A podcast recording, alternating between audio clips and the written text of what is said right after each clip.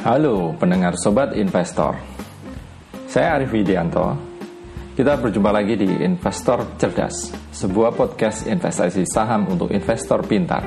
Kami fokus membahas bagaimana meraih kesuksesan investasi yang aman Berkelanjutan khususnya mengaplikasikan filosofi investasi nilai atau value investing Untuk mendengar komentar kami tentang buku The Intelligent Investor, silahkan ikuti 20 episode awal podcast ini. Di episode episode terbaru, kami akan bahas isu aktual, edukasi, resensi, serta bahasan investasi lainnya bersama saya dan mungkin narasumber lain. Saudara pendengar, dalam episode kali ini judulnya mungkin bagi Anda agak aneh ya. Saudara, tema ini mungkin ada hubungannya dengan jeda sejenak. Ya, Anda mungkin tahu ya, setelah episode 052 yang terakhir sekitar bulan Oktober kami jeda sejenak karena ada beberapa pekerjaan penting, misalnya riset data laporan keuangan September yang lalu, juga ada hal-hal yang lain. Nah, tema kali ini saya kira juga bisa dikatakan relevan dengan jeda, relevan dengan diam sejenak itu. Ya, memang saya cari-cari tema yang relevan, saudara. Bisa dikatakan seperti itu. Nah, judulnya apa sih? SWDT SWDT, saudara pendengar. Tema ini berhubungan dengan apa ya? Anggapan dengan uh, mitos dengan mungkin ada yang mengatakan teori atau katakanlah imajinasi hal-hal yang dianggap orang, sebagian besar orang saya kira, bahwa untuk sukses berinvestasi saham, Anda itu harus sangat aktif, harus cepat. Kenyataannya ada banyak anggapan, ada banyak imajinasi atau atau bisa kita katakan semacam entah ya bukan edukasi ya, tetapi gambaran yang disajikan orang lain yang mengatakan bahwa ini loh, aku itu bisa melakukan trading, bisa melakukan planning, bisa melakukan keputusan secara cepat ini, maka aku menghasilkan angka seperti ini. Anda mungkin pernah mendengar mendengar gambaran seperti itu. Namun saudara pendengar, Saya percaya hal-hal seperti itu, anggapan seperti itu, mitos harus cepat, harus aktif, tidak relevan. Hal itu tidak benar. Untuk mendukung argumen ini, saya mengutip sebuah perkataan dari Charlie Munger.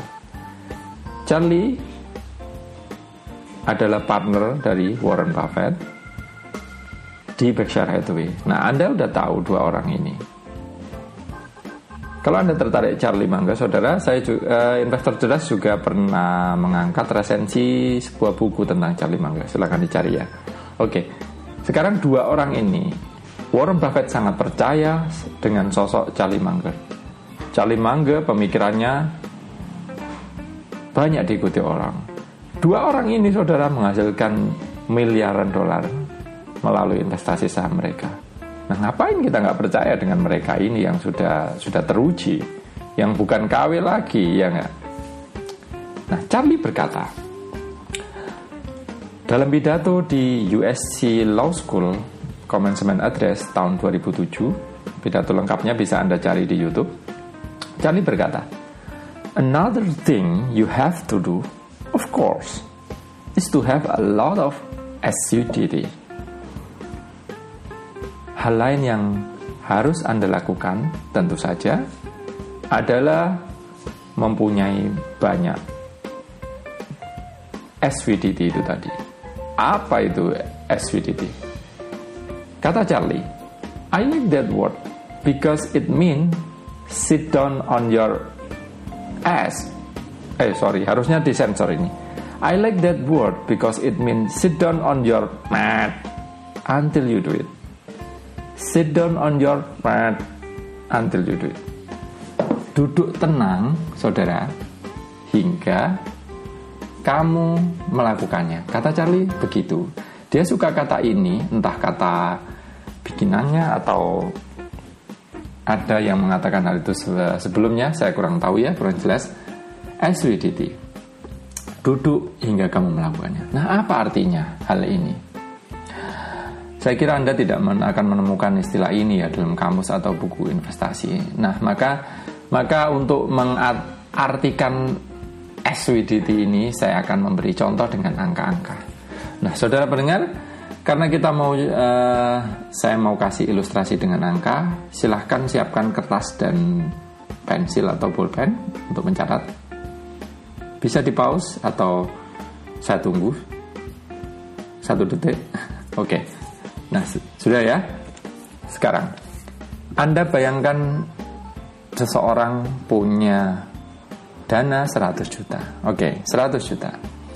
Orang ini punya tawaran investasi sekarang dan ia bisa mendapatkan hasil spesifik tepat sekali 10% per tahun. Jadi bayangkan hasilnya ini 10% per tahun di compounding. Nah, Saudara. Ingat ya per tahun ini bukan mungkin Anda menganggapnya kecil ya per tahun kecil sekali tapi sekarang bayangkan uh, investasi di deposito Anda paling bisa dapat 4% 5% per tahun sebelum pajak. Mungkin ada orang lain yang bisa 6% jika dananya besar mungkin. Tapi 4-5% nah ini 10% lumayan kan? Seandainya ditawarkan ke seseorang ini mungkin dia akan menerimanya. Oke? Dengan skenario ini, saudara, uang 100 juta setelah 10 tahun diinvestasikan terus-menerus dengan pendapatan 10%, uang itu akan menjadi 259,37 juta atau keuntungan sekitar akumulasi ya 159,37 persen. Oke, silakan dicatat ya 159,37 persen selama 10 tahun. Lumayan besar. Bahkan mungkin uh, kalau Anda cari di reksadana saham di Indonesia yang bisa mencapai keuntungan setara seperti ini sedikit sekali. Kurang dari separuh reksadana di saham di Indonesia. Nah, sekarang Anda Anda atau sorry bukan Anda ya, orang ini punya alternatif lain, saudara pendengar. Orang ini, kata Charlie, dia menaruh uangnya di instrumen investasi yang setara pasar uang. Katakanlah hasilnya 6% per tahun. Ya, bisa dicapai ya dengan SBN atau di reksadana yang setara di pasar uang yang hasilnya kira-kira 7% per tahun. Katakanlah, oke, okay, sudah bersih, dipotong pajak 6% per tahun, sekitar itu ya. Nah orang ini mau menunggu hingga 4 tahun. Dia masih mencari investasi dengan investasi yang terbaik, yang peluangnya paling bagus. Ini bukan mengatakan menunggu krisis atau menunggu itu. Ini adalah menunggu hingga mendapatkan peluang yang sangat menarik. Nah, yang sangat menarik itu apa? Ya, kita anggap e, per tahunnya 15%. Nah, skenario ini kita ngomong 15% per tahun. 15% per tahun kalau dihitung 15% per tahun itu bisa double sekitar 5 tahun ya saudara. Oke. dengan kondisi ini, setelah empat tahun investasi 6%, lalu orang ini menemukan peluang kira-kira dengan margin pengaman 100%. Jadi dengan sisa waktunya 6 tahun dia bisa mencapai sekitar 15%. Kan menarik. Belum di, mungkin dari dividen dan yang lain-lain oke lah semua. Kita anggap saja totalnya itu 15% per tahun. Fix setiap tahun. Dengan kondisi ini uang 100 tadi setelah 10 tahun akan menjadi 292,02 juta atau 192,02 persen, saudara pendengar. Hasil ini 32,65 persen lebih banyak dibanding skenario yang sebelumnya. Nah sekarang, mungkin selisihnya kecil kata Anda, 32 persen. Ya bagi Anda yang mampu mencapai hasil-hasil investasi, kita nggak diskusi untuk Anda itu ya. Untuk mayoritas yang lain, ini adalah besar sekali selisihnya 32,65 persen saudara. Ada banyak reksadana yang 10 tahun hasilnya cuma segini saudara pendengar. Nah bayangkan jika skenario ini bisa menghasilkan 20% atau lebih per tahun, hasilnya akan sangat signifikan. Nah, ilustrasi ini, saudara, sudah selesai ya ilustrasinya, angka-angkanya adalah untuk menggambarkan pentingnya assiduity itu tadi yang dikatakan oleh Charlie Munger itu. Diam itu penting, saudara pendengar. Diam, diam tidak melakukan. Artinya, ya bukan berarti uangnya didiamkan saja. Uangnya tentu dialihkan ke yang lain yang masih prospektif ya, dengan penghasilan tetap. Tetapi orang ini mampu menunggu hingga opportunity-nya datang, peluang investasinya dengan margin yang besar itu datang.